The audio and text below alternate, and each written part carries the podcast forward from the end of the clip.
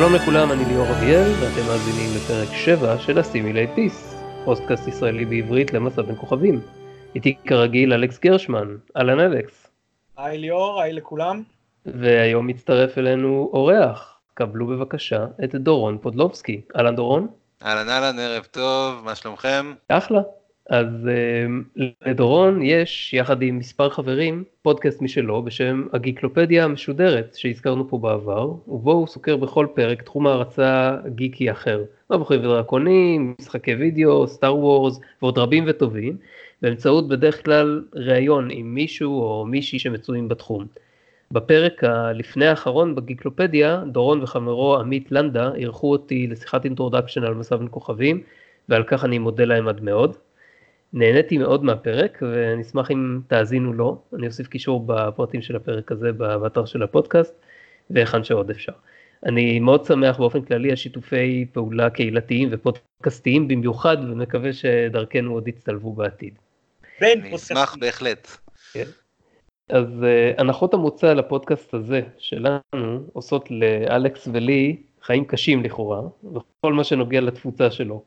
גם בעברית, גם על נושא ספציפי כזה כמו מסע בין כוכבים, וגם ברזולוציות שכדי לשקוע בהן צריך להכיר את הסדרות השונות של הפרנצ'ייז די טוב. יש הרבה רפרנסים, מתייחסים להרבה מושגים כמובנים מאליהם בלי להסביר וכו', וזה מבטיח לנו שהתפוצה תישאר די צנועה מבחינת מספרים, אבל זה בסדר, זאת המסגרת שהגדרנו לעצמנו.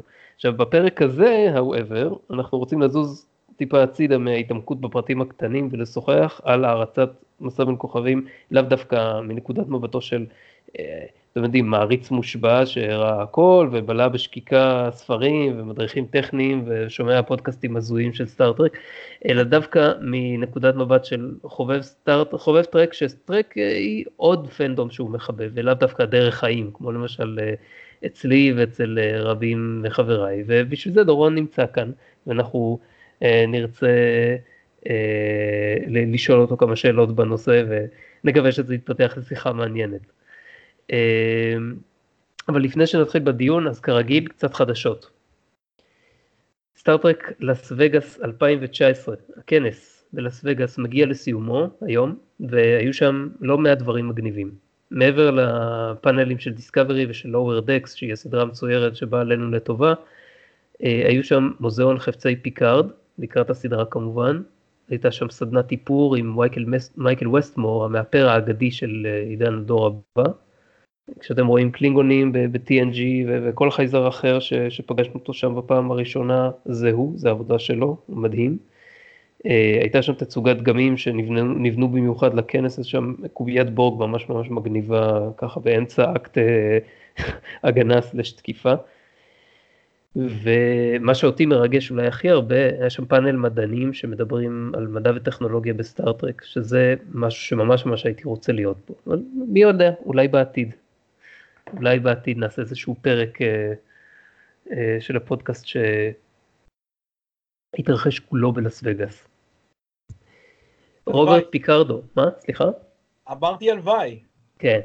רוברט פיקרדו, הלא הוא הדוקטור מ Voyager, מספר שפנו אליו מההפקה של פיקארד כדי להשתתף בעונה השנייה. כיף לשמוע, גם שיש מספיק אמון מבחינת ההפקה בסדרה כדי לתכנן כבר לעונה שנייה, וגם לרצות לצרף עוד כוכב מ Voyager ובכלל מוותיקי הטרק. מקווים שהדיווח הזה יאושר במהרה ונזכה לשמוע עוד אה, ציוצים או מה שזה לא יהיה מקרב אה, אה, גם פיקארדו וגם אה, אולי, מי יודע, אולי veterans Trek אחרים. אה, לגבי השתתפות בסדרה, אני ממש מתרגש מזה. ועוד לגבי הסדרה של פיקארד, אה, השנה בנובמבר יצא קומיקס שקשור לעלילת הסדרה ויתאר את הרקע, ומאוחר יותר בפברואר 2020 יצא הספר Last Best Hope שהוא ספר עלילתי, כן, נובל, שמפרט בהרחבה את האירועים בטרם הסדרה עם רקע על הדמויות. עכשיו אני אישית לא נוהג לקרוא ספרי טיין של אה, פרקים או של זאת אומרת כאלה שקשורים לעליות של פרקים או של סדרים, של, של סרטים או של סדרות, אבל יכול להיות שאחרוג מהמנהג שלי במקרה הזה, כי זה נשמע כמו משהו שהוא ממש, אה, ממש ממלא איזשהו פער רציני שיש לנו בהבנה של איך הם הגיעו מנמסיס לאיפה שהם נמצאים בתחילת הסדרה הזאת. ולמתעניינים במדיה פיזית, גם כן, בהקשר של פיקארד, יוצאים בבלו-ריי, החל מאוקטובר הקרוב בארצות הברית ומאוחר יותר בשאר העולם, מארז מיוחד של פיקארד, שכולל מספר פרקי מפתח מהדור הבא, כמו Best of Both Worlds ו-Chain of Command, ואת כל סרטי הדור הבא, עם commentary ו extra סצנות וכל מיני דברים טובים כאלה. אמ, ויוצאת אה, החל מנובמבר בארצות הברית, אה, עונה שנייה של Discovery עם special features וכל הטוב הזה יחד עם אה, שניים מפרקי ה Short Treks שקשורים ל Discovery. להזכירכם לא כל ה Short Treks היו קשורים ל Discovery, שניים מהם כן ואלה יהיו במארז הזה. אמ, ומשהו ששמתי, שקראתי אותו, קראתי לגביו היום, נדמה שהזכרנו את זה בחצי משפט בעבר, אמ, מיזוג אפשרי בין אה, CBS וויאקום, החברה האם של פרמאונט, אה, כנראה הולך לקרות. ולמי שלא מבין במה דברים אמורים, פרמאונט ו-CBS הם למעשה אישויות עסקיות נפרדות, וזה אומר שהסרטים של אה, סרטי אברהמס שהתחילו מ-2009, סטארטרק, סטארטרק אינטו דארקנס וסטארטרק ביונד, בעצם יצאו תחת מפעיל עסקי שונה ממה שסדרות סטארטרק יוצאות. וזה יצר כל מיני פיצולים משונים באיך, אה, מה אפשר לשים, איזה קניין רוחני אפשר לשים באיזה מהפרנצ'ייזים, וזה יצר איזשהו פיצול עיצובי וכל מיני דברים כאלה. אה, ויכול להיות שזה יגיע לסופו בקרוב, אם וכאשר ייחתם הסכם סופי שיכנס את הפעילות, פעילות הטרק תחת אה, גג אחד. אז אה, לפי מה שקראתי היום זה נראה די סופי וזה פשוט עניין של זמן עד שזה הולך לקרות. כרגע לא רואים איזושהי השפעה על הסדרות המתוכננות מפני שההתכנסות תהיה תחת CBS, כלומר התוכניות של CBS כנראה יישארו כמו שהן, מה שישתנה זה מה, מה הולכים לעשות עם הסרטים ומה הולך להיות עם המרצ'נדייז ככל הנראה. אז uh, נעקוב ונמשיך לעדכן אתכם. אלכס, uh, יש איזה שהם חדשות שאתה רוצה לספר לנו? לא משהו חדש, אבל כן, אני גם שמח שפיקרדו הצטרף, בהחלט דמות, אחת מהדמות החביבות עליי בפרנצ'ייז. לגבי, לגבי החתירה של שני הגופים האלה אה, לגוף אחד, ל-CBS ופרמונט, אז כן, זה בהחלט היה את כל הסיפור שהזכרת לגבי, זה הרבה יותר מאשר אה, רק עסקיים, אלא זה השפיע על כל המראה ועל כל התמה של, אה, של הסרטים והסדרות שיצאו, ובשאיפה זה יחזור להיות יותר כמו הטרק שאנחנו מכירים, ששייך יותר ל-CBS. ואולי יהיה לזה גם נגיעה כבר בסרט, אם יהיה, של טרנטינו. כן, אני לא, לא יודע, זה נראה לי כמו, אני, אני נוטה לייחס לזה פחות ופחות סיכויים שזה הולך לקרות עם טרנטינו, אה, אבל בלי כן. קשר, זה לא ישנה את ההחלטות של CBS לגבי הסדרות, כאמור. אומרת, לא, כמו שאמרת, זה ישנה איך, אה, לגבי הסרטים. כן.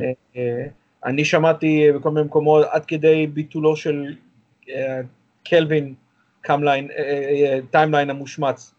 לא, לא, נראה, לא נראה לי שהם יכולים לבטל אותו, יכולים מקסימום לעשות לו דקנוניזציה, אבל... כן, כאילו להעלים אותו מ existence, שזה... כן, טוב, לא יודע, אני אפשר, בלי קשר למה שהם יגידו, אתה יכול, אתה יכול פשוט להתעלם.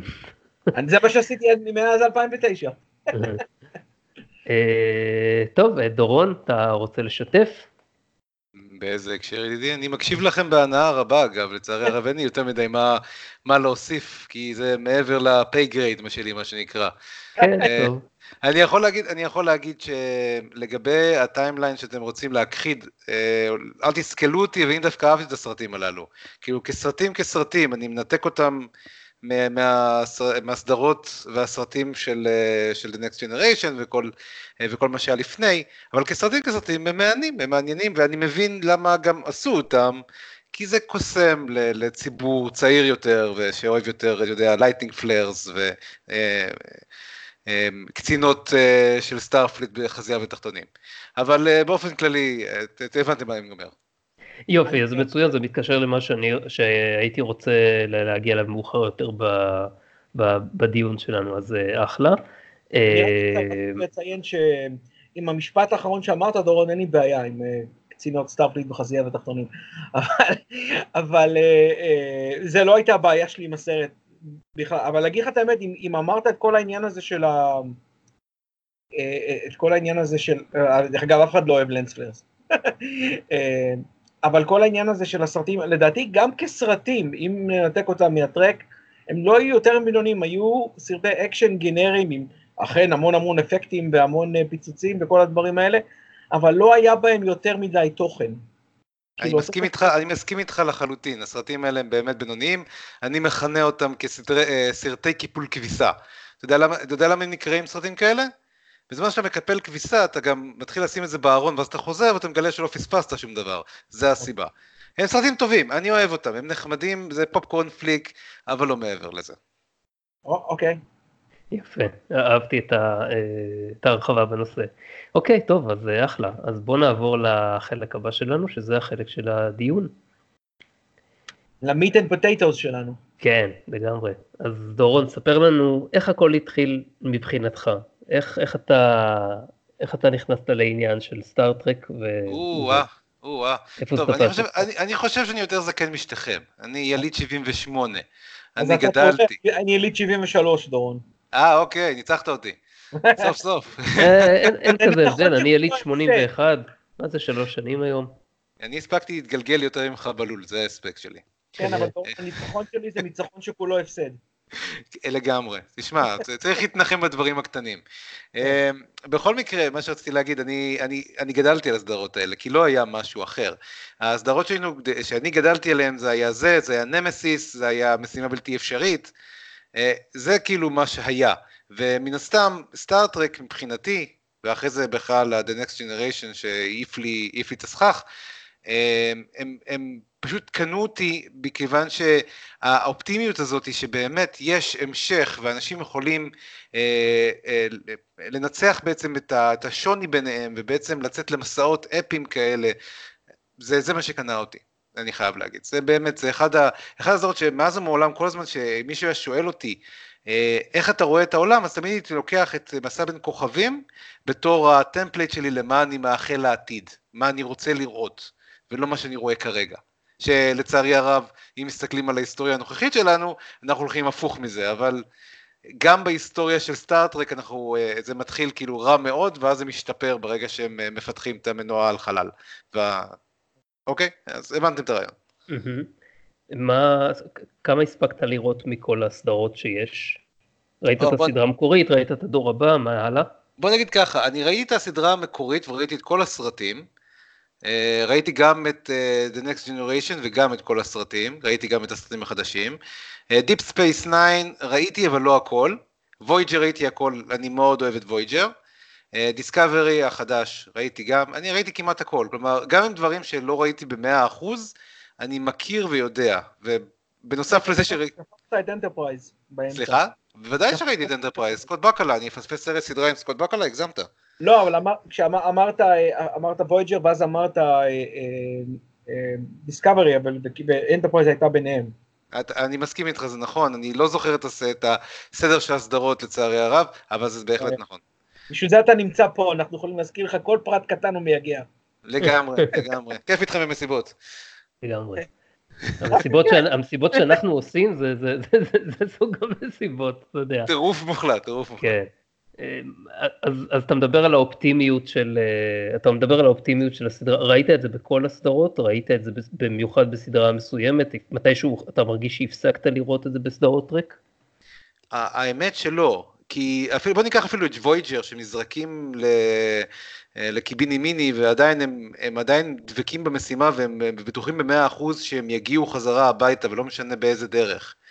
כאילו רואים את המשברים שהם חווים בדרך אבל תמיד המחשבה היא מחשבה היא תמיד, היא תמיד קדימה והיא תמיד חיובית ותמיד mm-hmm. לחשוב מחוץ לקופסה וזה דברים טובים, זה דברים מאוד מאוד טובים. כן אני מאוד מאוד מסכים עם זה. וויג'ר אני... היא הרבה יותר אופטימית מאשר דיפ ספייס 9, אני כבר הייתי אומר שאם היית מוצא איזשהו, אתה יודע, חריץ בקליפה זה היה דיפ ספייס 9. דיפ ספייס 9 כמו שאמרתי צפיתי ולא צפיתי בו באופן מאוד מדוקדק. הסדרות האחרות שאני יכול לדבר עליהן אז דיפ ספייס 9 קטונתי. זה סתם אה, כי לא יצא לך, או כי אמרת כאילו אחרי כמה זמן, אוקיי, זה לא בשבילי, אני... לא, לא, לא, ממש לא, אני, זה, זה מפאת חוסר זמן, יש לי כל כך הרבה דברים שאני מאוד מאוד רוצה לראות, ואגב, אני צריך להגיד לך תודה על זה שהזמנת אותי, אז עשיתי קצת, עשיתי קצת שיעורי בית, כדי שאני לא אצא מטומטם לגמרי, וצפיתי בכמה פרקים של, של וויג'ר, כי דיברנו על זה שהפרק הזה הולך על וויג'ר, מקווה שלא עשיתי ספוילרים למאזינים. אז, אז קצת עשיתי, צפיתי קצת ב-Next Generation, צפיתי קצת בוויג'ר, קצת עשיתי לעצמי תזכורת עם העולם באופן כללי, אז תודה. כל הכבוד, היית מאוד מאוד יסודי. כל הכבוד, דורון, אתה תלמיד חרוץ. אני, אני אצפה לקבל את, ה, את ה plaque המוזהב שלי. אין בעיה, מצטיין. אז אה, איך, אה, איך, איך אתה תופס אנשים שהם מעריצי טרק יותר אדוקים? אם אפשר בכלל לשאול את זה, אולי, אולי אתה, אתה ראית די הרבה, כן? אני אה, נפגש, נפגשתי עם הרבה מאוד אנשים במהלך, ה, במהלך חיי הערצת הטרק שלי, שהם, אתה יודע, ראו טרק פה ושם, והם הסתכלו קצת מוזר על, אה, על אנשים שממש נמצאים אינטו את. אני נמצא, אני נמצא בפנדום הגיקי מאוד מאוד עמוק. אז לראות אנשים, כאילו לשאול אותי את השאלה הזאת, לא יודע, כי אני אגיד לך, יש, לי, יש לנו חבר'ה אצלנו בקבוצה שמעריצים שרופים של DC, ומעריצים שרופים של מארוול, ומעריצים שרופים של מלחמת הכוכבים, שזה גם דיסני, בעיקרון זה מעריצים של דיסני. אמ, בימינו העולם קנוי על ידי דיסני. כן. לחלוטין, לחלוטין. אז, אה, אז בגדול, אני, אני מאוד מעריך אנשים ש, שהם לוקחים את התחביב שלהם והם, והם, והם זורמים איתו. ורטיקלית, ו... כאילו. כן, אני בסדר עם זה לחלוטין, כלומר זה לא מפתיע אותי וזה לא מרתיע אותי. מה שכן, אני מחלק את זה לשתיים. יש באמת את הפאנס שהם, שהם אוהבים, והם מאוד אוהבים, כאילו הם חיים את זה ונושמים את זה, אבל הם לא מתנשאים מעל אנשים אחרים שלא רואים. ויש יש לי אחד, אני לא אזכיר את שמו, הוא עובד איתי בעבודה ולכן אני לא אזכיר את שמו, הוא יודע מי הוא, מאזין לפודקאסט, אה, שהוא מאוד מתנשא. כלומר, אם אני אגיד איזה, איזה פרט קטן, קטנטן, לא יודע, אני אגיד את השם הלא נכון של החללית, או את השם הלא נכון של החייזר, הלך עליי. זהו, זה יהיה שטיפה מפה הודעה חדשה. ואת הפאנס האלה, אני פחות אוהב, אין אותם רק בטרקס, אני ספציפית מדבר על הבחורצ'יק הזה, כי הוא טרקי מטורלל לגמרי, אה, אבל יש, יש, יש את זה בכל מקום, כלומר יש את זה גם בסטאר וורס, בסטאר וורס בכלל, זה, זה מטורף, זה גם מתחלק עכשיו, אחרי The Last Jedi זה התחלק לשתיים וזה נהיה מחנות, קטסטרופה, אבל אה, בגדול אה, אין לי בעיה עם הערצה, יש לי פשוט בעיה עם התנשאות, בכל נושא שהוא, אז אתה יודע, יש כאלה שגם יודע, אני, אני לגמרי איתך בזה, אני לגמרי איתך בזה, ואפילו אני, זאת אומרת, גם בתוך אחד שהוא בתוך הטרק, גם מזהה אנשים כאלה, ו, וכאילו, אתה יודע, אם זה אנשים שאני צריך להיות איתם באינטראקציה, אז אני קוטע את זה באיבו, זאת אומרת, אני מבהיר להם שזה לא, זה לא יוכל להמשיך ככה, ואם, אתה יודע, אם, אם לא צריכה להיות אינטראקציה, אז אני פשוט סובב את הגב והולך, כי זה באמת... אה, גורם לך לפעמים אה, אה, לחשוב שאצל הבן אדם, בן אדם שעושה משהו כזה, אני לא אגיד שהקו בין מציאות ודמיון מטשטש, כן, כי זה יהיה קצת צבוע להגיד את זה מצידי, אבל משהו בתפיסת המציאות שלהם קצת מעוות, אם הם חושבים שהם צריכים אה, אה, to drill down לכל אה, beat and של, אה, ו- ו- ולהזכיר גם לכל הסביבה שהם לא כאלה, שהם אחרים לא כאלה. Mm-hmm. אה, אוקיי. Okay. עכשיו, נניח שהיית פוגש מישהו שלא לא יצא לו לראות טרק, או שאולי יצא לו לראות רק דיסקאברי כי זה היה לאחרונה, מה, למה היית ממליץ לו לראות את הסדרות האחרות, נגיד TNG או מה שזה לא יהיה שהיית מגדיר כסדרה אהובה עליך? אה, הייתי ממליץ לו לראות את וויג'ר, או בכלל לצפות בסדרות, לא הייתי ממליץ לו ללכת אחורה יותר מדי ולצפות באמת ב... בסדרות, באוריג'ינל סיריס בשנות ה-60, רק בגלל המשחק המזעזע. והיחס המשפיל לנשים. אבל חוץ מזה, אם הוא יכול להתמודד עם זה, בכיף לו, שיבושם לו. אה, אבל אה, את אה, סדרה אפית כמו The Next Generation, שאני מאוד מאוד אוהב, הייתי ממליץ לכל בן אדם לצפות בגלל שהסיפורים שהם פשוט מעניינים. הסיפורים שהם פשוט מעניינים, הדמויות נורא כיפיות, זה נורא, האינטראקציה בין הדמויות, וגם ברגע, ש, ברגע שהם יצפו בזה, אז יהיה לי גם יותר יכולת לזרוק רפרנסס, ואני נורא אוהב את זה. Mm-hmm. אז כאילו, צריך להסביר את הרפרנסים שלי, זה נורא כיף. אז בגדול, הייתי, הייתי מסביר לו בדיוק כמו שאמרתי בתחילת, ה... מתי ששאלת אותי למה אני אוהב את זה, אני אגיד פשוט מאוד, כי זה זורק אותך לעולם מאוד מאוד אופטימי, שכאילו, אתה נמצא, אנחנו צופים בהמון המון סרטים, ורוב הסרטים מתעסקים עם uh, מציאות שמתארת, או מציאות או עתיד uh, פוסט-אפוקליפטי. רוב הסרטים שלנו הם כאלה, גם הסרטים החדשים וגם פרויקטים חדשים בנטפליקס. דרך אגב, עשיתי על זה פודקאסט, פרק פודקאסט שלם בגיקלופדיה, אתם יכולים להאזין אם תרצו. אוי, זה מעולה, זה מעולה. אני רציתי לדבר על זה מתישהו באחד, מה, באחד מהפרקים העתידיים שלנו, ואני בהחלט ארצה לראות את הפרק, לשמוע את הפרק שעשית בנושא. אז, אז הוא נמצא שם, אתה יכול להיכנס ולהאזין, אני ועמית מדברים על כל מיני נושאים אה, פוסט-אפוקליפטיים. אז לקחת משהו כמו נושא פוסט-אפוקליפטי ולקחת את זה לכיוון הפוך, ממש 180 מעלות, כאילו אומרים, אוקיי, כדור הארץ היה בכיוון של השמדה עצמית, ואז משהו קרה, והופ, הפכנו להיות גן עדן עלי אדמות, בגדול, כאילו. אני מאוד אוהב את זה. זה, זה, זה קנה אותי, אין מה לעשות. אז אם באמת משהו שאני אמליץ עליו, זה, זה בגלל הסיבה הזאת. קצת, קצת אה, שינוי ב-state of mind. תראה משהו שהוא טיפה יותר שמח. יש עדיין מלחמות, יש עדיין אינטריגות, יש עדיין דברים לגלות, אבל העולם, כמו שהוא, הוא הרבה יותר טוב, וזה מגניב. אני לגמרי איתך בהשקפה הזאת. אני שאלתי את זה כי נגיד אה, אני הייתי מעלה עוד כמה דברים שלפי דעתי הם ייחודיים לטרק, לדוגמה הדגש על מדע, שזה משהו נכון. שבכל הסדרות האחרות אני חושב, וכל הפרנצ'ייזים האחרים הוא תמיד, זאת אומרת, אני, אני לא זוכר אולי קצת בבבילון, לא, לא ממש. אה, אני לא זוכר שהיה שום דגש בסדרה אחרת על מדע כמו שיש בסטאר-טרק, ונכון, המדע בסטאר-טרק היה מעוות הרבה מאוד פעמים לצורכי העלילה, אבל, אבל חלקים ממנו היו אה, מבוססים, וזה כבר הרבה יותר טוב ממה שיש להציע, ממה שיש להרבה סדרות, כמעט כל סדרה אחרת להציע. ואני חושב שהעניין האישי שלי במדע, ללא ספק, ושל בטח הרבה מאוד אנשים אחרים, נבע מסטאר-טרק. זה לכן כל כך, אני, אני, אני אגיד עכשיו משהו ש... זאת אומרת, בטח לא יעניין כל כך אנשים שאין להם ילדים, אבל אני אגיד את זה בכל זאת כי זה, זה נורא אקטואלי לי כרגע. אמ, יש את הסדרה אוטובוס הקסמים שהייתה במקור ב-94 ולפני כמה שנים עשו לה חידוש סדרת ילדים של כמה ילדים שנמצאים באוטובוס כזה ויחד עם המורה המשונה שלהם הם יוצאים ל... אה, הרפתקאות, אה, כל, כל פרק זה איזשהו אה, אפיק מדעי אחר, אחד על גיאולוגיה, אחד על חלל, אחד על ביולוגיה וכולי וכולי וכולי, וזה מדהים, אני רואה את הילדה שלי צופה בזה וזה פשוט מדהים, ואני כאילו כבר חשבתי על זה שנים אחורה לגבי למה, למה לא עשו איזושהי סדרה או וריאציה על סדרת טרק שבה אה, מז... סדרת כאילו, סדרה כאילו לילדים שבה מסבירים על מדע. זה כל כך מתאים, זה כל כך מתחבר סטארט-טרק כשלעצמה כבר משכה מספיק ילדים, ילדות, צעירים, צעירות לתחומים מדעיים, ואם היו עושים את זה באופן קצת יותר מובנה, אני חושב שזה היה מחבר את, ה, את הפרנצ'ייז ואת הצורך לחנך למדע בצורה ש... זאת אומרת, הייתי ממש שמח לראות סדרת סטארטרק מחליפה את אוטובוס הקסמים. לא שהוא, כזה, לא שהוא גרוע או משהו אחלה, אבל הייתי שמח לראות את זה בעולם סטארטרק. אז בגלל זה הייתי נותן למי שהיה שואל אותי אה, את הסיבה המדעית אה, ללמה לצפות בסטארטרק. וכן, יש, יש, עוד הרבה, יש עוד הרבה סיבות, כמו, כמו שהזכרת, את העלילות, הרעיונות המצוינים בהדור הבא. אה, אז הייתי מרחיב ואומר ש...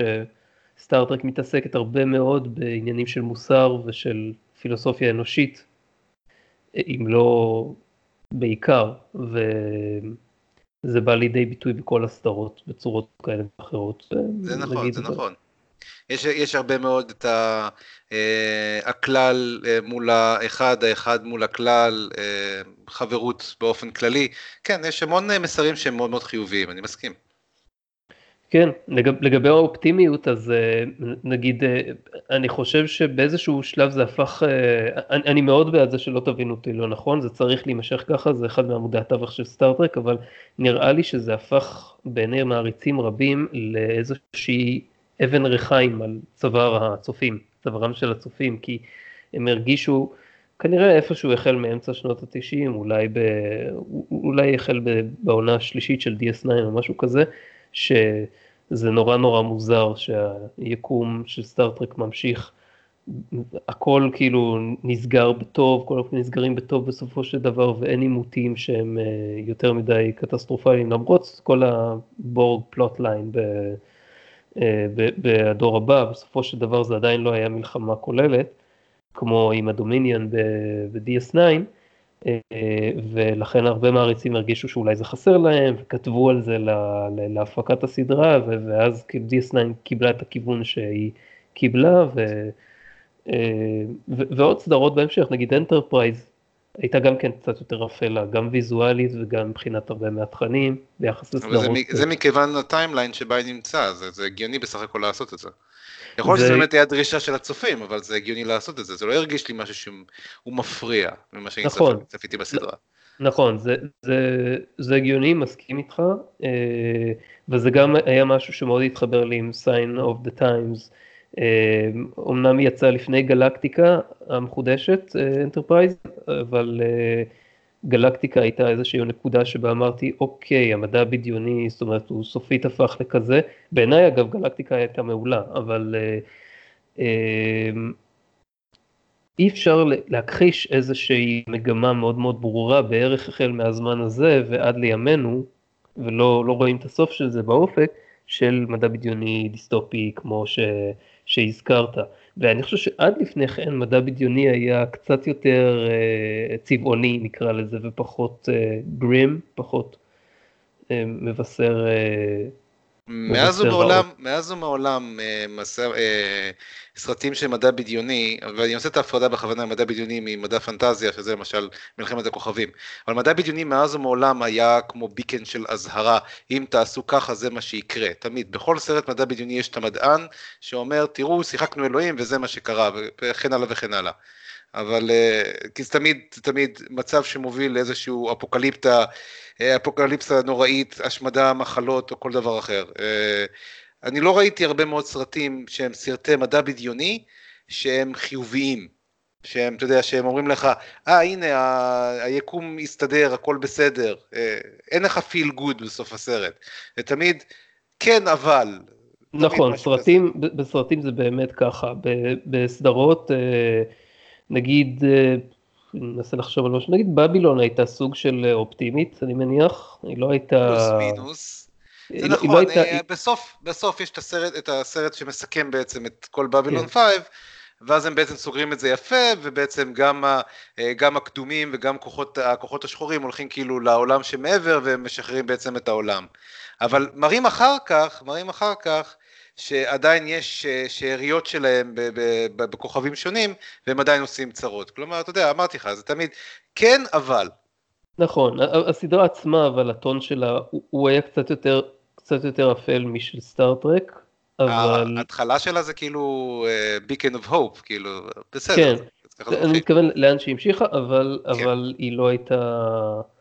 היא, היא, לא הייתה, היא לא הייתה גלקטיקה מהבחינה של כאילו אה, היה פה אסון ואנחנו נמלטים על נפשנו. נכון. אמ, למרות שבבילון 5 מתחילה בזה שכל ארבעה ספינות אחרות פשוט התפוצצו בצורה מוזרה. כן, זה, זה הזכיר לי תמיד את ה... ראיתם ספיינל טאפ? בוודאי. אז uh, יש את המתופף שכל פעם מת להם באיזושהי צורה, באיזושהי צורה מסתורית. כן. אמ, אז תגיד אה, דורון מבחינתך יש איזשהו אה, גיק פנ... כאילו פנדום שהוא ורטיקלי זאת אומרת שאתה שוקע בו משמעותית יותר מאחרים? אה, אני אצלי זה סטאר וורס. אני סאקר של סטאר וורס לגמרי. אוקיי ומה... אבל אני תכלס אוהב הכל כמו שאמרתי גם בהקלטה שעשינו I'm spreading the love. כן. כאילו, אין, אין משהו שאני לא, לא מתחבר אליו אני צופה באנימה ואני צופה בסטאר וורס אני צופה בסטארטרק אני מארוול די.סי קומיקסים הכל. מה היה מבחינתך, מה מבחינתך הפך את סטאר וורס למושא הערצתך הגדול ביותר, ומה היה צריך לקרות בסטאר טרק כדי שזה יקרה שם, כלומר כדי שסטאר טרק יהפוך למושא הערצתך הגדול ביותר.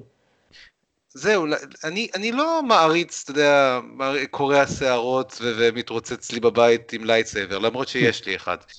אה, אבל פשוט מאוד, הסיפור של סטאר וורס, העולם של סטאר וורס הוא יותר כאוטי, ואני אוהב טיפה דברים יותר אה, מבולגנים, בכלל ה-extended universe של, של אה, מלחמת הכוכבים הוא הרבה יותר קוסם לי מה-canon timeline, במיוחד אם נלך אחורנית בזמן של מלחמת הכוכבים, ושם באמת הכיף מתחיל. יש לך הרבה יותר סיטס, יש לך הרבה יותר ג'דאיז, הקלאש ביניהם הוא מעניין, כי הסיפור הוא סיפור uh, uh, פנטזיה ואני אהיה פנטזיה, זה סיפור פנטזיה סטנדרטי, יש לך גיבור, הגיבור יש לו משימה, הוא צריך לעשות מספר דברים כדי להפך לגיבור, כן, יש לו תלאות בדרך, בדיוק, אותו סיפור, אותו רעיון, וזה מאוד קוסם לי כי אני נורא אוהב פנטזיה, גם, גם סדרות האנימה שאני צופה בהן בדרך כלל מבוססות פנטזיה. אה, וסטארט-טרק הוא פחות פנטזיה, הוא מאוד מאוד מבוסס, כמו שאמרת, הוא מאוד מבוסס במדע, הוא מדע בדיוני פרופר, זה כמו שמוגדר בספר, זה ההגדרה של מדע בדיוני. יש לך, יש לך אומנם אה, טכנולוגיה שהיא מאוד מתקדמת מכיוון שאוקיי עבר הרבה מאוד זמן אבל היא מבוססת על, על חוקים מאוד מאוד נוקשים והחוקים האלה מעולם לא נשברים, אי אפשר לשבור אותם, זה לא שאתה יכול פתאום, חוץ מ-Q, אבל נשים אותו בצד. החוקים הם חוקים מאוד מאוד קבועים, יש לך את היכולת שלך לעשות מספר דברים, דרך אגב, אם מדברים כבר על הפרק שאנחנו נדבר עליו בהמשך, של לעשות ספוילרים, גם שם זה אותו סיפור. הם נקלעים למצב שבו הם נמצאים מול יריב שהוא הרבה יותר טכנולוגי מהם והם לא יכולים לעשות כלום. וזה לא כמו איזשהו, אין להם איזה אקס מקינה פתאום שהם ממציאים איזה טכנולוגיה מכלום ומצליחים לצאת מזה, לא. טכנולוגיה שלכם הטכנולוגיה שלכם וזה ההגבלה שלכם, לא תצליחו לצאת מזה, אכלתם אותה, וזה בסדר, כי זה העולם שבו הם נמצאים. אם זה היה בסטאר וורס, אז פתאום היה, היה מוצא איזה lightsaber super duper מיוחד והיה חותך את דרכו החוצה כי זה ex machina. או שהיה מגיע איזה רובוט ועוזר לו. ואם זה היה מארוול אז היה עכבר שהיה לוחץ על כפתורים ומשחרר אותם. אוקיי, הבנת את הרעיון למה אני מתכוון. זה מאוד מאוד שונה. ואני אוהב יותר פנטזיה ולכן אני נמשך לאזור הזה יותר. הבנתי. אה, אתה גם די מתחבר לדיסקאברי, נכון? אני מאוד אוהב את דיסקאברי, נורא אהבתי את זה, למרות ששמעתי הרבה ביקורות ואנשים שבוכים על זה. אה, אני אהבתי דיסקאברי מאוד. שוב, אני לקחתי דיסקאברי וניתקתי אותה, בדיוק כמו שעשיתי עם, הסרט, עם הסרטים היותר חדשים של סטאר וורס. אני פשוט ניתקתי אותה מכל הדברים האחרים שאני מכיר, כי זה עשה לי יותר סדר בראש, לא בגלל שום דבר אחר. כי כסיפור, כסיפור, הוא נחמד, אה, והוא מעניין, אה, למרות שהוא משנה לי כאילו את כל התפיסה שלי. הוא קצת מתחבר באמת לסדרות, לסדרה משנות ה-60, שזה נחמד, והם מאוד מאוד ניסו אה, לשחק עם ה... אה, עם האנטרפרייז והמדים, כדי שזה איכשהו כן, כן יקסום גם לאנשים אה, שצפו בסדרות הישנות, אבל עדיין זה היה מאוד מאוד חדש ביחס לכל דבר אחר שראיתי. הרי הדיסקאברי, הספינת, הספינת מדע שיכולה לקפוץ, אין דבר כזה, המציאו את זה עכשיו, זה, זה מבחינתי באמת זה סוג של אקס מקינה. זה, זה שונה לגמרי מכל מה שאנחנו מכירים. אה, יקום מקביל, שזה משהו שהם באמת השאילו מפרנצ'ייזים אחרים. אני לא זוכר, תקן אותי אם אני טועה, אתם מכירים את זה יותר טוב ממני, אם היה לנו משהו כזה במקומות אחרים של יקום מקביל. היה את זה, והיה את זה החל, מת... החל מהסדרה המקורית, היה, זה התחיל שם בפרק אחד, ואחר כך ב... דיפ ספייס 9 היה עוד איזה צבע, היה עוד כמה פרקים של התרחש בעולם ביקום המראה, ה mirror universe, ואחר כך באנטרפרייז, וכן, זה, זאת אומרת, זה היה כבר מספיק מבוסס ב... אוקיי, אז, אז, אז, אז יש, אז גם במקרה הזה, זה, אוקיי, אז, אז אני זרק, אני לא הכרתי את זה, אני לא זכרתי את זה. יכול להיות שראיתי את זה ואני לא זכרתי את זה. אבל זה, זה הרגיש לי מאוד מאוד שונה. עוד דבר שהרגיש לי מאוד מאוד שונה, זה ההתעסקות אחד הדברים בסטאר-טרק, אמנם יש שם התעסקות עם רגשות, אבל היא הרבה יותר מאופקת. הם הרבה יותר, הם הרבה יותר מאופקים מבחינת הרגשות. נעזוב רגע את המשחק אה, בסטאר-טרק הראשון, שזה כאילו over דרמטי, אבל הרגשות שם מאוד מאוד מאופקים. ובדיסקאברי, כל ההתעסקות, ההתעסקות עם ה... אתה אוהב אותי, אני לא אוהב אותך, זה קשה לי שהלכת והפכת להיות אה, אה, קליגון בתור בן אדם וכל המישמש הזה שהם שיחקו עם זה. והחיבוק הזה בסוף וכל הפרק האחרון שנמתח כמו איזה טלנובלה זה לא הרגיש לי סטארט-טרק, זה בכלל לא הרגיש לי סטארט-טרק, זה היה מיותר לטעמי לגמרי, אה, אבל זה אני. יכול להיות שמישהו אחר אהב את זה. אבל באופן כללי, כי אם אני סוגר את הכל, הסיפור הוא מעניין, הדמויות הן משעשעות. המסע הוא עדיין מאוד טרקי מבחינתי, כלומר אני לא הרגשתי כאילו שזה מאוד מאוד שונה. אה, אני נהניתי ממנו, זה, זה הסדרה טובה לפי דעתי. היא עדיין ממשיכה, מהעונה שלישית בהפקה, והיא כנראה תהיה, אנחנו לא רוצים, אנחנו לא מספיילרים לעונה שנייה של דיסקאברי, אז אני לא רוצה להגיד מה קרה שם ולאיזה כיוון זה הולך, אבל זה הולך להיות מאוד מאוד שונה מה... אה, משתי העונות הקודמות, כן? רק במקרה שיש מאזינים שעדיין לא, לא ראו ולא רוצים לשמוע אה, על מה, מה קרה בעונה הזאת. אה, מה היית רוצה לראות בסדרה, בסדרת פיקארד שמגיעה אלינו לטובה? אה. טוב, קודם כל התגעגעתי באופן כללי לכל הצוות של, אה, של The Next Generation. אה, באופן כללי, ממה שראיתי רק בטריילר ובטיזרים, זה, זה הספיק לי. אה, אני, אני באמת לא יודע למה אני מצפה, אני פשוט הולך לשם כאילו blindly ומקווה שיפתיעו אותי, אז אני לא, אני, אני מקווה שזה יהיה טוב, אני רוצה שזה יהיה טוב. Okay. אוקיי. אני מקווה שזה לא יהיה כזה, כמו שיר פרידה עצוב לדמות של פיקארד.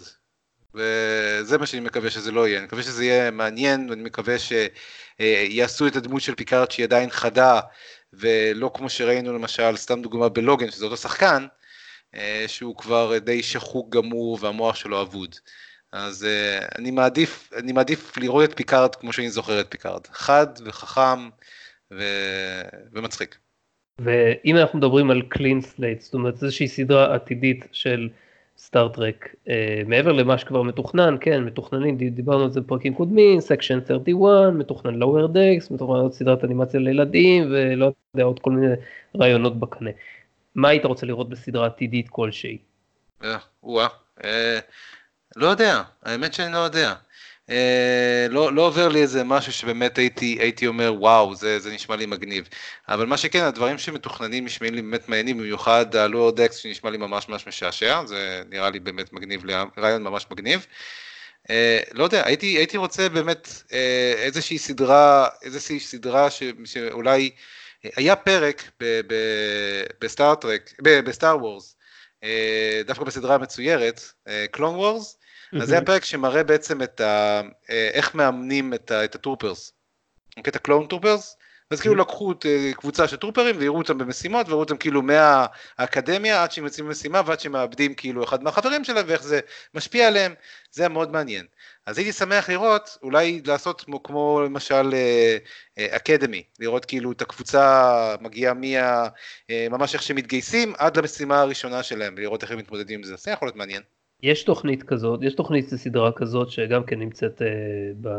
זה לא, זה עדיין לא אה, חתום ו, ו, וגמור כבר כמו, כמו הסדרות שהזכרתי קודם, אבל יש, יש רעיון כזה, אני לא יודע אם ומתי זה יתממש.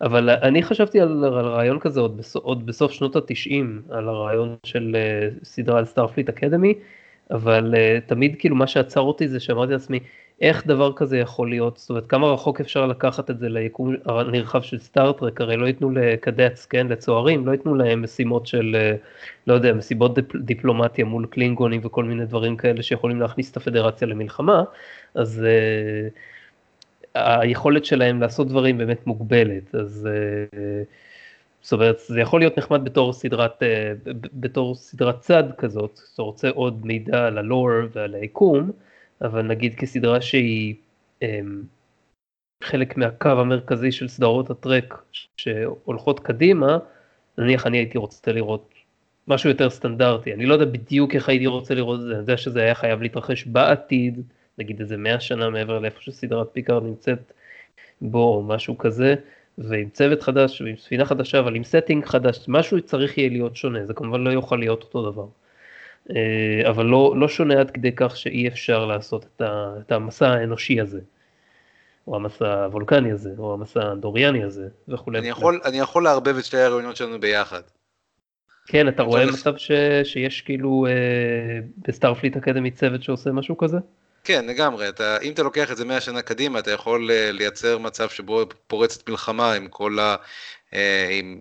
תבחר לך אויב. ואז בעצם צריכים להיות אה, to train very quickly, ואז בעצם לוקחים אותם למשימות תוך כדי שהם עדיין under training, וזה יכול להיות ממש מטורף. אוי, לא, מלחמה, אבל תיקח את כל הפוקוס מסטאר-טרק מבחינת, אה, מבחינת מה שבדרך כלל עושים בסדרות, ו- ותמקד אותנו בצורך ל- לטפל במלחמה, ו- ולא הרבה מעבר לזה. זה יכול להיות מעניין, אבל נראה לי שכבר ראינו את זה מספיק פעמים עם הדומיניאן, עם המלחמה עם הקלינגונים בדיסקאברי. כן, אתה עדיין צריך איזשהו אינטריגות, כאילו אם, אם, אתה, אם אתה כאילו מנסה עכשיו ליצור איזה משהו חדש, הרי בפעם הראשונה זה Space the Final Frontier, ואז הם כאילו מתקדמים קדימה, עכשיו הם 100, 100 שנה קדימה, מה עוד מה עוד אתה רוצה לגלות, כאילו זה יהיה מאוד מאוד קשה גם לכותבים לחשוב על רעיונות, ואז הם בעצם התחילו למחזר דברים. אני סומך על הכותבים שהם משלמים להם בשביל זה, ואם הם יודעים מה שהם עושים, לא, אז הם... אה, אני, תשמע, אחרי כל כך הרבה סרטים של DC, אני, ועונה מאכזבת מאוד של משחקי הכס, אני פחות סומך על הכותבים בזמן האחרון. כן, יש, יש בצורת. טוב, בסדר, אה, היה לנו דיון די פורה, אני חושב, אה, די טוב. והייתי רוצה ברשותכם לעבור לחלק הבא של הדיון בפרק שכולנו ראינו. קדימה. אז הפרק הפעם הוא אה, פרק, אה, הפרק ה-23 בעונה השלישית של Voyager, Distant Origin. ובעיניי לא מדובר פה בעוד פרק, מדובר פה בהפרק לדעתי של Voyager. יש נטייה לשכוח אותו לפעמים, לא, לא מדברים עליו מספיק, אבל הפרק הזה מתפוצץ מטוב בעיניי, גם טרק מעולה, גם setting וגזע מקורי וגם השפעה עמוקה על היקום של מסע בין כוכבים ועל האנושות. נכון, היו בוויג'ר פרקים שהיו הרבה יותר משפיעים נניח מבחינת כאילו המפגש של המפגשים שלהם עם הבורג ועוד דברים שהם, שהם עושים שם, אבל יש משהו בפרק הזה שהוא מבליט אותו במיוחד מעבר לכל האחרים. הפרק הזה מתנהל מנקודת המבט לא של צוות הוויג'ר דווקא, אלא של גזע חייזרי דינוזאורי למראה בשם ווט', ושני מדענים מהגזע הזה מוצאים שרידים של אה, שלד אנושי, חבר צוות של הוויג'ר, אה, על פי שרידי המדים שהיו שם, והוא מתאים לתיאוריה שלהם בנוגע לזה שבני גזעם שלהם, של אבות, הגיעו ממקום מרוחק כלשהו בגלקסיה.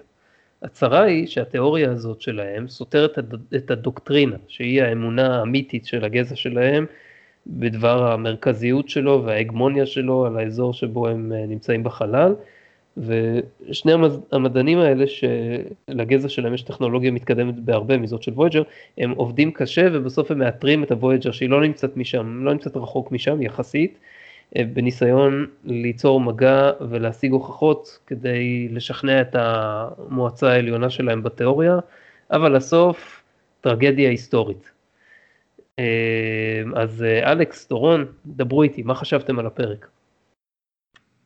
אלכס, אני אתן לך את הכבוד. נזכרתם שאני פה, אוקיי. לא דיברת. דיברתי, לא הופנו אליי, אז לא דיברתי. תתפרץ, תתפרץ, אנחנו ישראלים. לא, לא. אני צוחק. מישיגן אה, מחלחלת לתוכך. נתתי לדבר. אכן פרק טוב, אני לא, אני לא חולק עם ליאור את ההערכה שלו הגדולה עד כדי כך לקרוא שזה הפרק הכי טוב. זה פרק טוב, זה לא, הוא לא שונה בעיניי מנוסחה, מנוסחות של פרקים אחרים על ה... אמ, שמתייחסים לתיאוריה של הדיסטנט אוריג'ין, שהיא תיאוריה קיימת במדע באופן כללי על שורשים של אה, גזע. אמ, רוצים לציין רק ב... ב... אז היה פרק טוב, שחקנים טובים, הכל היה מעניין. זה, אם, אה, זה מצחיק שאתה בתור אוהד של סטאר וורס, מעריץ של סטאר וורס, דורון, כי הפרק הזה, הרבה אלמנטים ממנו הזכירו לי את סטאר וורס. מה למשל?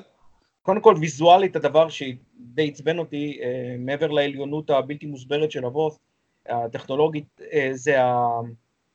שכשהספינת האם או ספינת העיר, כמו שהם קראו לה, אה, אה, איך קוראים לזה, שאבה עם אה, מעין סוג של tractor beam, את הוויג'ר בפנים, שנורא הזכיר לי את ה... בכלל נראתה כמו Star Destroyer הספינה הזו גם.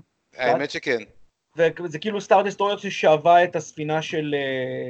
היא, זה לא שאבה, זה נראה כמו טרנספורמציה, כאילו כן, היא ממש כן, היא שיגרה אותה, היא לא, היא לא, היא לא משכה אותה. הקרן שלקחה אותה, כמו, ש, כמו שהספינה לקחה את, ה, את הספינה של המורדים בתחילת ניו הופ, או את המילניום פלקון בסופו של ניו הופ, אה, מאוד הזכיר לי את זה. אה, גם הדוקטרינה מאוד הזכירה לי את האמונות הפסודו אה, דתיות שיש בסטאר וורס, הסית והג'די, וכל ההתייחסות הזו לממסד. זה דבר שמאוד, שקפץ לי בעין. מעבר לזה, זה היה היה מעניין על זה שמצאו את, את המקורות שלהם בכדור הארץ. יש זה... כמה נקודות להגיד על זה אחר כך ותמשיך. זה מצד שני הזכיר לי אחד מהסדרות האהובות עליי שקוראים לה פארסקייפ, אם אתה מכיר.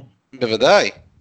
אחת מהסדרות אהובות עליי שבסוף העונה הרביעית, אני אה, מצטער אבל אני אספיילר פה כי עברו 17 שנה. כן, כן, זה ישן. חופשי. אז אה, בעיניי סדרה, סדרת המדע הבדיוני יחידה שהיא, שהיא כוכבית, שכאילו כי יש עוד סדרות מדע בדיוני שאני אה, מאוד מאוד אוהב, נגיד כמו X-Files ו Fringe, אבל הן לא מבוססות חלל נקרא לזה.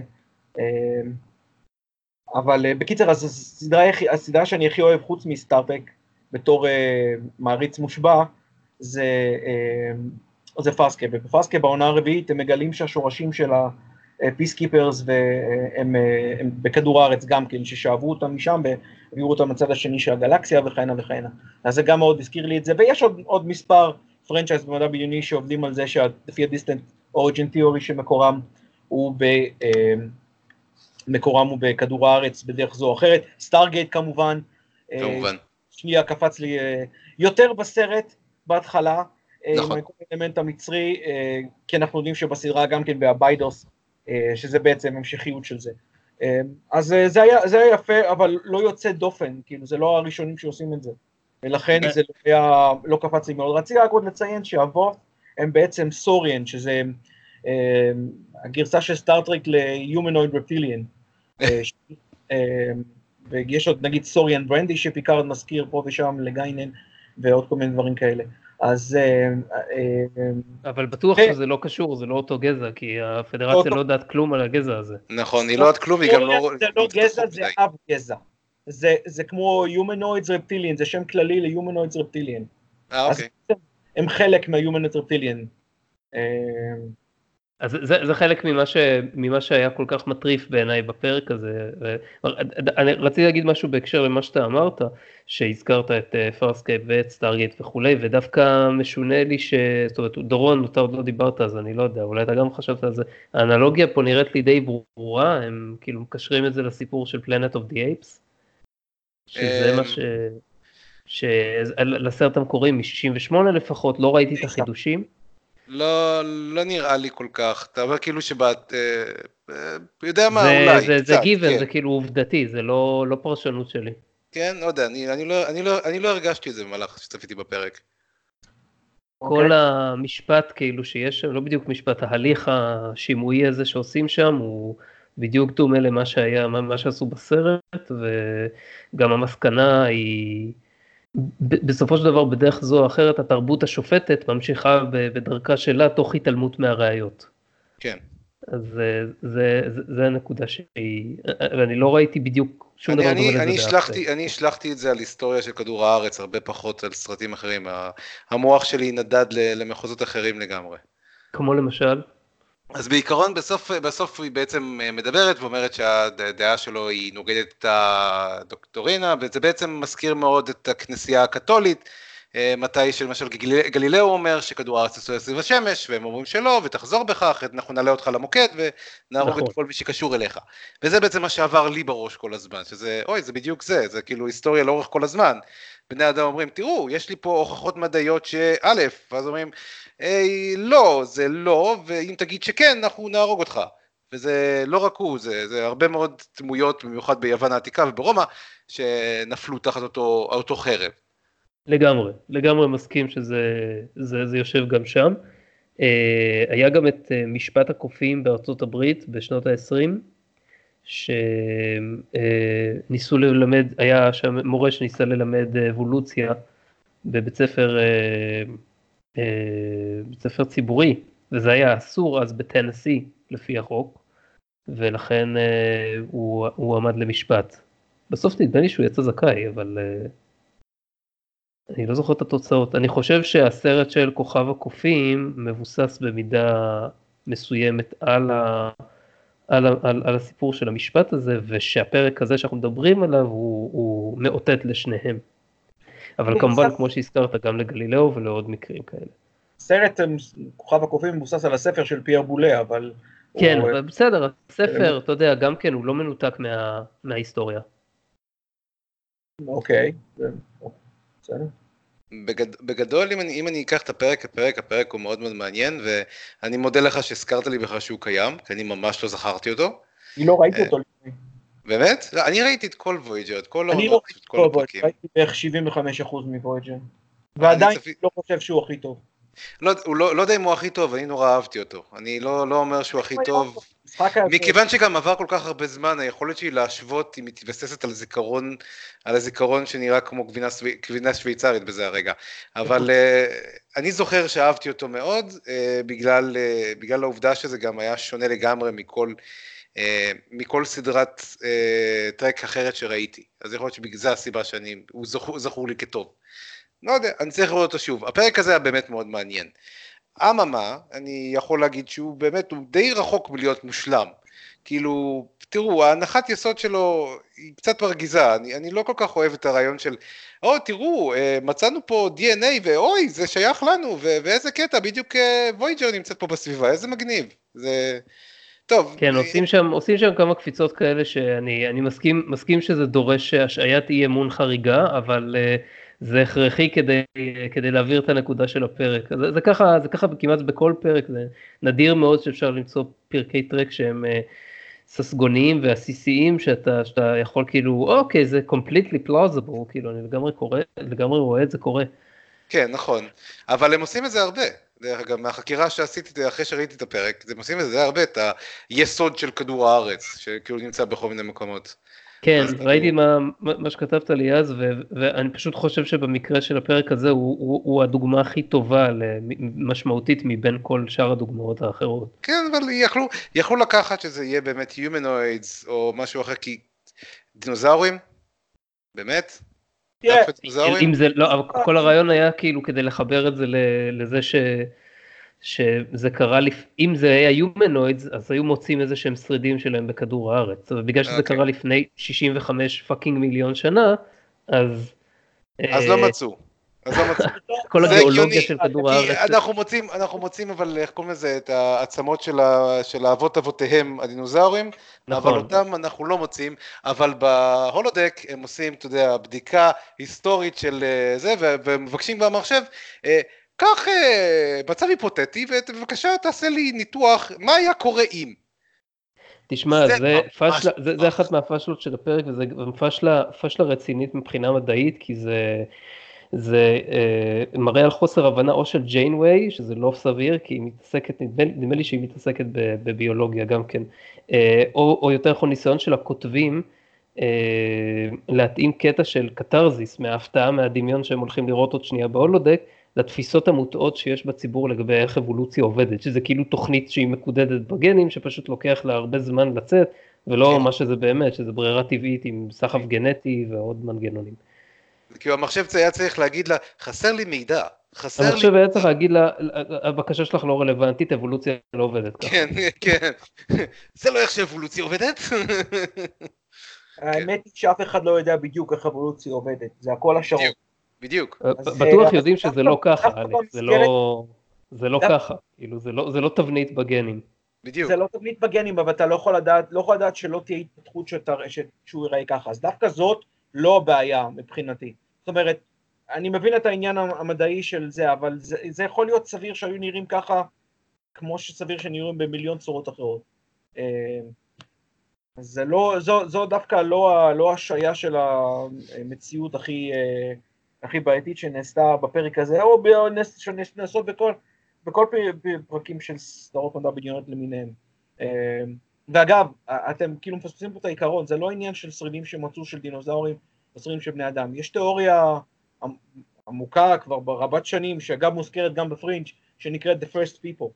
היות ובכדור הארץ היו לפחות בין 10 ל-12 mass extinction event, שאין שום דרך ומושג לדעת מה היה ביניהם.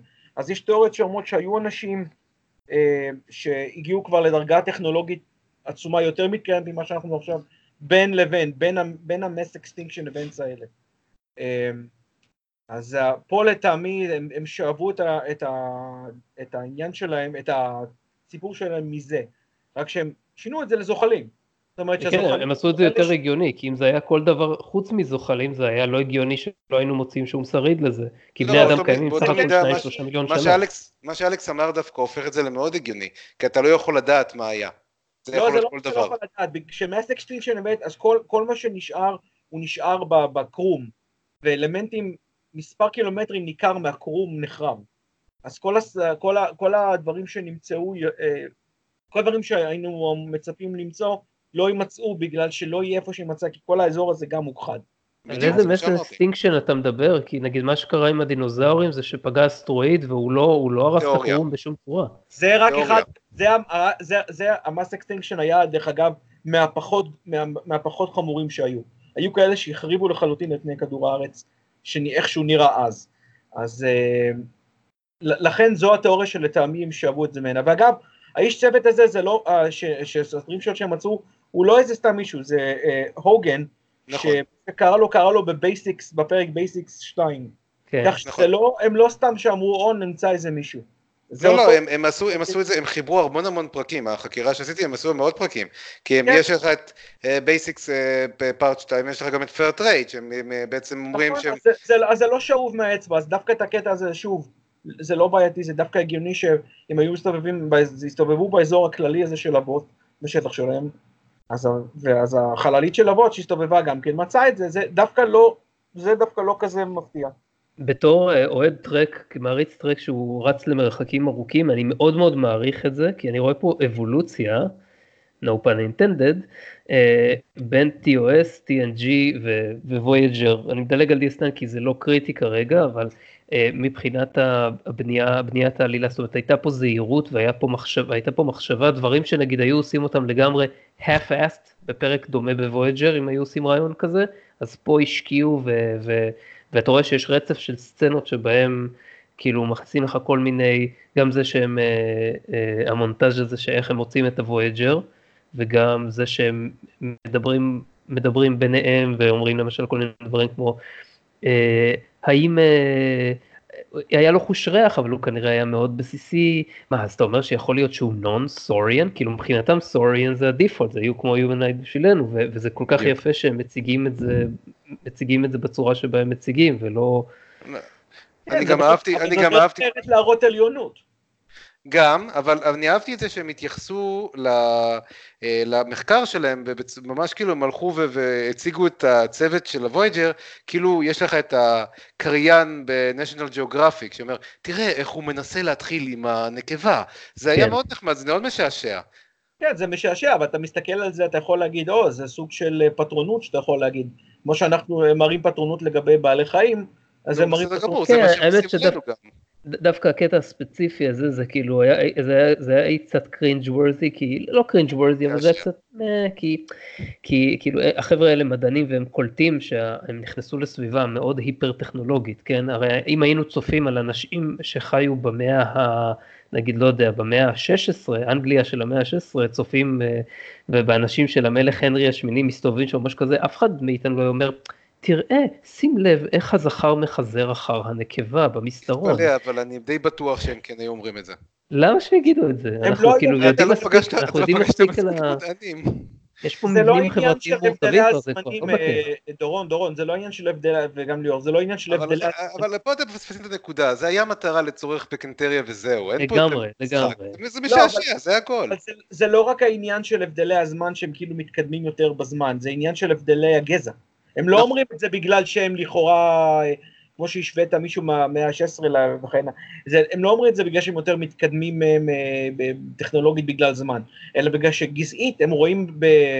שכחתי איך הם קראו להם, אה, אה, הם כן, הם לא? אומרים את זה בפרק שהם רואים בנון, ביומנוידס, כאילו ביונקים, הם aliens, הם רואים כן, כאילו מילא, גזע הם נחות. רואים בהם נחותים, אז כל אחד שהוא לא סוריאן, זאת אומרת יומנויד רפטיליאן עם שכל, עם... יודע מה, אז אני, אז אני אקח אותך למשהו אחר, אז אני אקח אותך למשל למחקרים, אה, להבדיל אלפי הבדלות, של, אה, של המפלגה הנאצית. איך הם השוו בעצם בין הגזע הארי לבין שאר לא, לא הגזעים. ממש, אתה לא ממש חזק את הנקודה שלך, אה, דורון, עם ההשוואה הזאת, אבל... אה, כי- זה לא מצחיק, וגם... אני יודע, אני יודע שזה לא מצחיק, אוי. אבל אני לוקח את זה אה, לנקודה זה לא שלך. מצחיק, הנקודה הזאת היא גם לא נראתה בהכרח מצחיקה.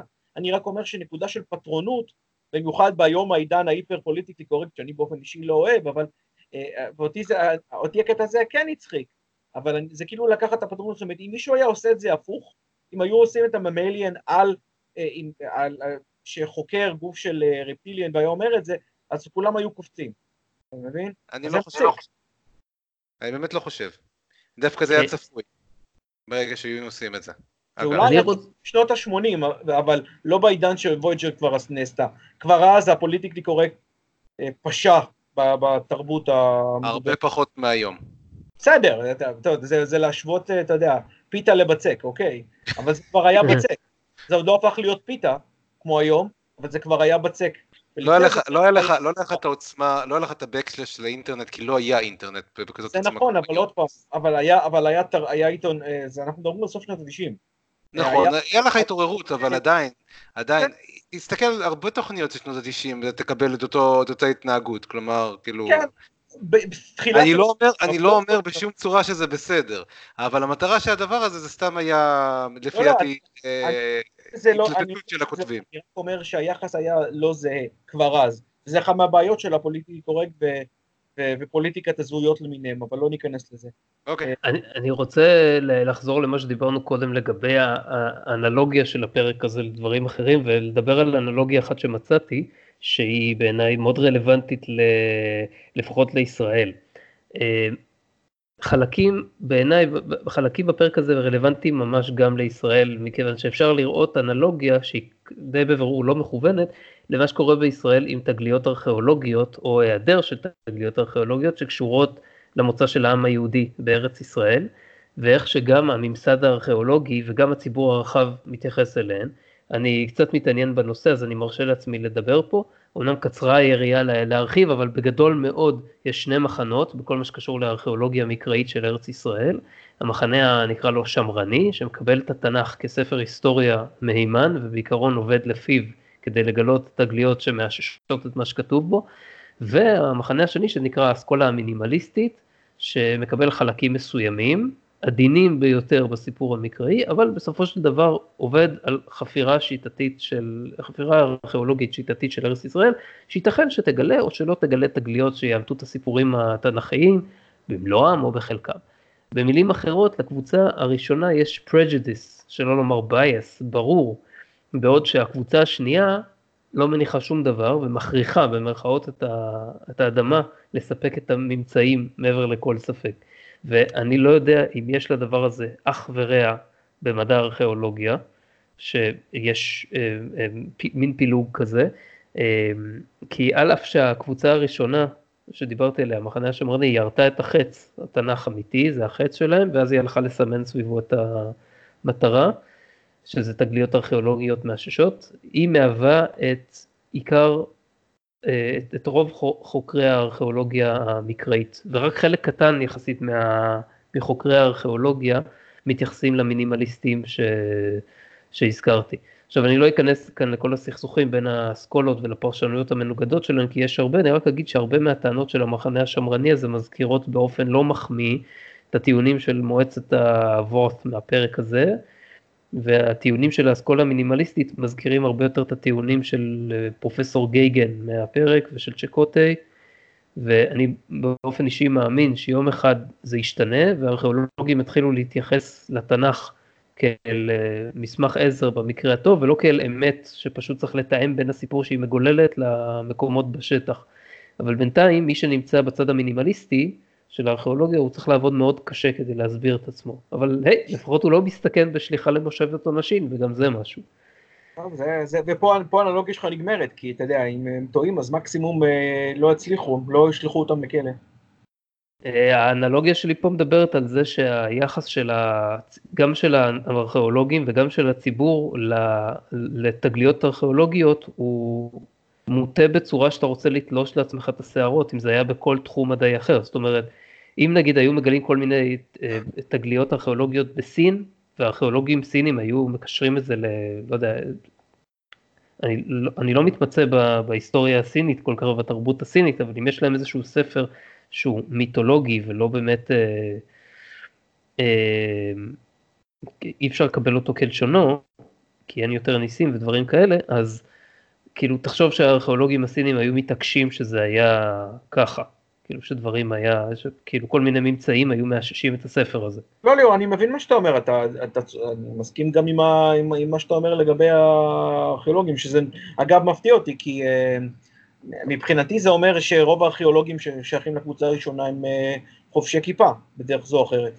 הרבה מהם כן, חלקם uh, לא, והם... כן, uh, הרבה הם... מהם זה אומר הרוב, נכון? Uh, מה? הרבה מהם זה אומר הרוב. לא, זה לא אומר הרוב. אז לא, לא הרוב, אתה רוצה להגיד שארכיאולוגים חילונים לחלוטין אה, אה, אה, עובדים על פי התיאוריה הראשונה? כן, זה בדיוק מה שאני רוצה להגיד. אני לא יודע אם הם הרוב, יכול להיות שזה כזה, שכאילו האסכולה הראשונה השמרנית, אז נגיד זה 50-50 דתיים אה, חילונים. אני, אני, אני מעריך שכן, אני מעריך שהרוב הם כן דתיים, אבל אתה יודע, זה לא קשור, יש גם רופאים דתיים, יש פיזיקאים דתיים, יש הכל, אבל, אבל ביולוגי וזה. פיזיקאים דתיים לא תלויים ב... לא תלויים ב, בסיפורי התנ"ך כמו ארכיאולוגים דתיים, כי ה, מה שהם מנסים למצוא, מנסים לאושש את זה. זה לא, לא כל כך ישנה את חייו של פיזיקאי או, או, אה, או של רופא. אז, זה בדיוק כמו שלפני מאות שנים לא היה לך מדענים שהם לא היו דתיים, נגיד נוצרים באירופה, כן? לא היה לך מדענים שלא נכון. היו, לא, לא היו דתיים. זה חדים, אבל ארכיאולוגיה היא לא בדיוק שייכת לתחום המדעים הקשים, ולכן אני... אה, היא אה... לגמרי, זאת אומרת, יש שם ריגורוזיות מעבר למה שיש בהרבה מדעים אחרים, ויש שם, ויש פרשנויות על הרבה מהממצאים, זה נכון, אבל... אני לא מזלזל בכלל, אני רק אומר לא, ש... הם לא, הם לא משתדלים להיות זהירים, הם פוסקים הרבה מאוד דברים, כאילו, כן, זה בוודאות מזוהה עם האתר הזה והזה במקרא, וממשיכים ומתארים הרבה מאוד מהדברים שקרו שם, כאילו הם קרו במקרא, למרות שהממצאים בשטח רחוקים מלאשר את זה. וזה זה... מראה לי על יותר, זה לא עניין של אה, אה, אה, משהו מקצועי, אלא זה יותר עניין של ה... נשתמש במילה שהם נתנו, הדוקטרינה שהם באים איתה מהבית. בדיוק ככה, ולכן זה לא צריך, אה, אתה יודע, זה צריך לעצור שם. אני מסכים, לא אני חושב שהרבה מזה בא לא רק מהקבוצה הזאת עצמם, אלא בא ממי שמממן אותם ומי שנותן להם את הכסף וכל הדברים האלה, ומי שמאשר אה, להם או בכלל מכוון אותם אה, לעשות את כל החפירות שלהם. כן, טוב, כמו שאמרתי, קצרה היריעה, מתישהו פעמים תרצה לנהל על זה שיחה יותר עמוקה. לא, האירוניה הוא שלמרות שאני אני, אני בתור איש ימין, אני מסכים איתך לחלוטין. אה, אבל אגב, אני לא חושב שכל הציבור הוא דווקא אה, אה, נותן לזה, לדעתי, אנשים שהם חילונים, אין להם שום סיבה לחפש שהאינטרסים של הקבוצה הראשונה יהיו, יהיו אלה שהם, שמכתיבים את הטון. בטח שיש להם, כי אז זה כאילו, אתה יודע, מחזק את, אה, את התביעה שלנו על הארץ, אבל זה בולשיט, כן, אבל... זה לא משנה באמת שום דבר.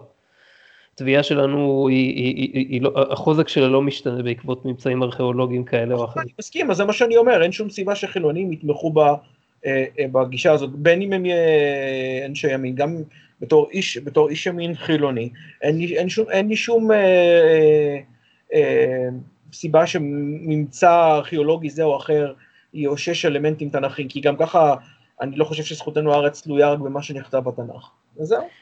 אז אה, טוב, אז בואו נדבר עוד כמה מילות סיכום אחרונות לגבי הפרק. אה, נקודה קטנה שהייתי ש... רוצה להעלות לדיון, אם אפשר. כן. אה, מדברים הרבה בפרק הזה על הדוקטרינה ושאסור לשנות שום דבר ואנחנו הגזע הראשון ואנחנו מעולם לא ירדנו מכדור הארץ וידה ידה ידה. מעניין אותי לדעת איזה עוד דברים בדוקטרינה שלהם הם מתעקשים עליהם. הרי התעקשות כזאת היא, כמו אה, קנאה דתית, היא פוגעת מאוד בהתקדמות טכנולוגית, אנחנו רואים את זה גם פה. אה, דיברנו על גלילאי או גלילי, שבעצם הכנסייה מנעה פרסום של, ה, של המחקרים שלו רק אחרי כמה, כמה שנים טובות בעצם, אה, ואז בעצם יכל להתקדם הלאה ולהביא אותנו לדור הזהב. אז איך זה מסביר שהם היו כל כך מפותחים מבחינה טכנולוגית על ידי התעקשות על הדוקטרינה הזאת? אה, זה קל להסביר, פשוט אה, מספרית, יש להם כל כך הרבה יותר שנים על פני מה שלבני האדם היה, ש... זאת אומרת, היה להם 65 מיליון שנה. זה, okay. אוקיי. האמת, היא שזה לפחות, כן, היה להם כנראה יותר, כי הם היו צריכים לפתח מסע מתקדם בחלל לפני שה... לפני אז- האירוע של ההקפדה. אז מה שמעניין אותי. לדעת זה מתי התפתחה הדוקטרינה הזאת שבעצם, ולמה היא מעכבת אני- את זה, ולמה לא ההתעקשות אתפלא- הזאת. אני לא אתפלא אם מה שקרה זה שהם יצאו מכדור הארץ מדעיים לגמרי והכל כאילו היה זה, והם הגיעו לשם, ואתה יודע, קרו, אל- ב-65 מיליון שנה יכול לקרות כל כך הרבה, למה הם בכלל הגיעו דווקא לדלתה קוואדרנט ולא למקום קרוב יותר מכ- לכדור הארץ, אני לא יודע, אבל איפשהו במסע שלהם בין ה-65 מיליון שנה האלה, הכל היה יכול לקרות פחות או יותר, כאילו הם היו יכולים להרוס את עצמם ולבנות את עצמם מחדש מיליארד פעם ולא לזכור מה קרה לפני, שלא הייתה שום בעיה לדוקטרינה כזאת להתפתח, וחוץ מזה גם הם היו, אה, אתה יודע, מפתחים את הטכנולוגיה בקצב מאוד מאוד איטי בגלל מה שהזכרת לגבי ה... אז הם עדיין היו מגיעים לזה. אבל. אבל פשוט בגלל שעבר כל כך הרבה זמן אז הם הגיעו לזה, אבל אם היית שם את האנושות מולם, אה, החל מאותה נקודה במרוץ, אז האנושות הייתה מתקדמת מהר יותר כי לא הייתה לה את הדוקטרינה הזו. אוקיי. יכול להיות. פלחה והושמדה. כן. אז לפי דעתי למשל, אחת הנקודות החזקות בפרק זה הנאום של צ'קוטה לפני הסוף, כשהוא אה, מדבר ומדבר ב- זה בזכות, באמת אחד מהפרקים שצ'קוטיי הכי טובים שלו לאורך כל הסדרה שאני כן. זוכר. והוא הוא, ממש, הפה פה צ'קוטיי והמילים מילותיו של פיקארד, זה נאום שצריך להיזכר בדברי ימי הטרק, לדעתי. זהו. אז uh, תודה רבה אלכס ותודה רבה דורון שהצטרפת. אלינו. תודה רבה לכם. נהניתי ו- מאוד. היה אה, שוחח איתך? אני אה, אשמח לשיתופי פעולה עתידיים כאמור בעתיד ובנושא אני מזכיר לכם שוב שניתן למצוא אותנו בפייסבוק, Assimilate This, חפשו את הדף בפייסבוק, ניתן להאזין לנו בספוטיפיי, ניתן להאזין לנו ב-Podcast Addict, ב-Castbox ועוד בשלל, אה, ו- ובקרוב גם ב-iTunes, סוף סוף סידרתי את זה, אה, ובעוד שלל דרכים. אז uh, אם אתם רוצים לכתוב לנו, תשאירו uh, בכל אחד מהערוצים האחרים, ביוטיוב או איפה שזה לא יהיה, תשאירו תגובות, תשאירו בקשות, תשאירו הצעות ונשמח מאוד לקרוא אותן. אפשר גם במייל, asim.this.gmail.com ועד הפעם הבאה, אני הייתי ליאור אביאל, וזה אסימילייט דיס. תודה רבה ולהתראות. תודה רבה.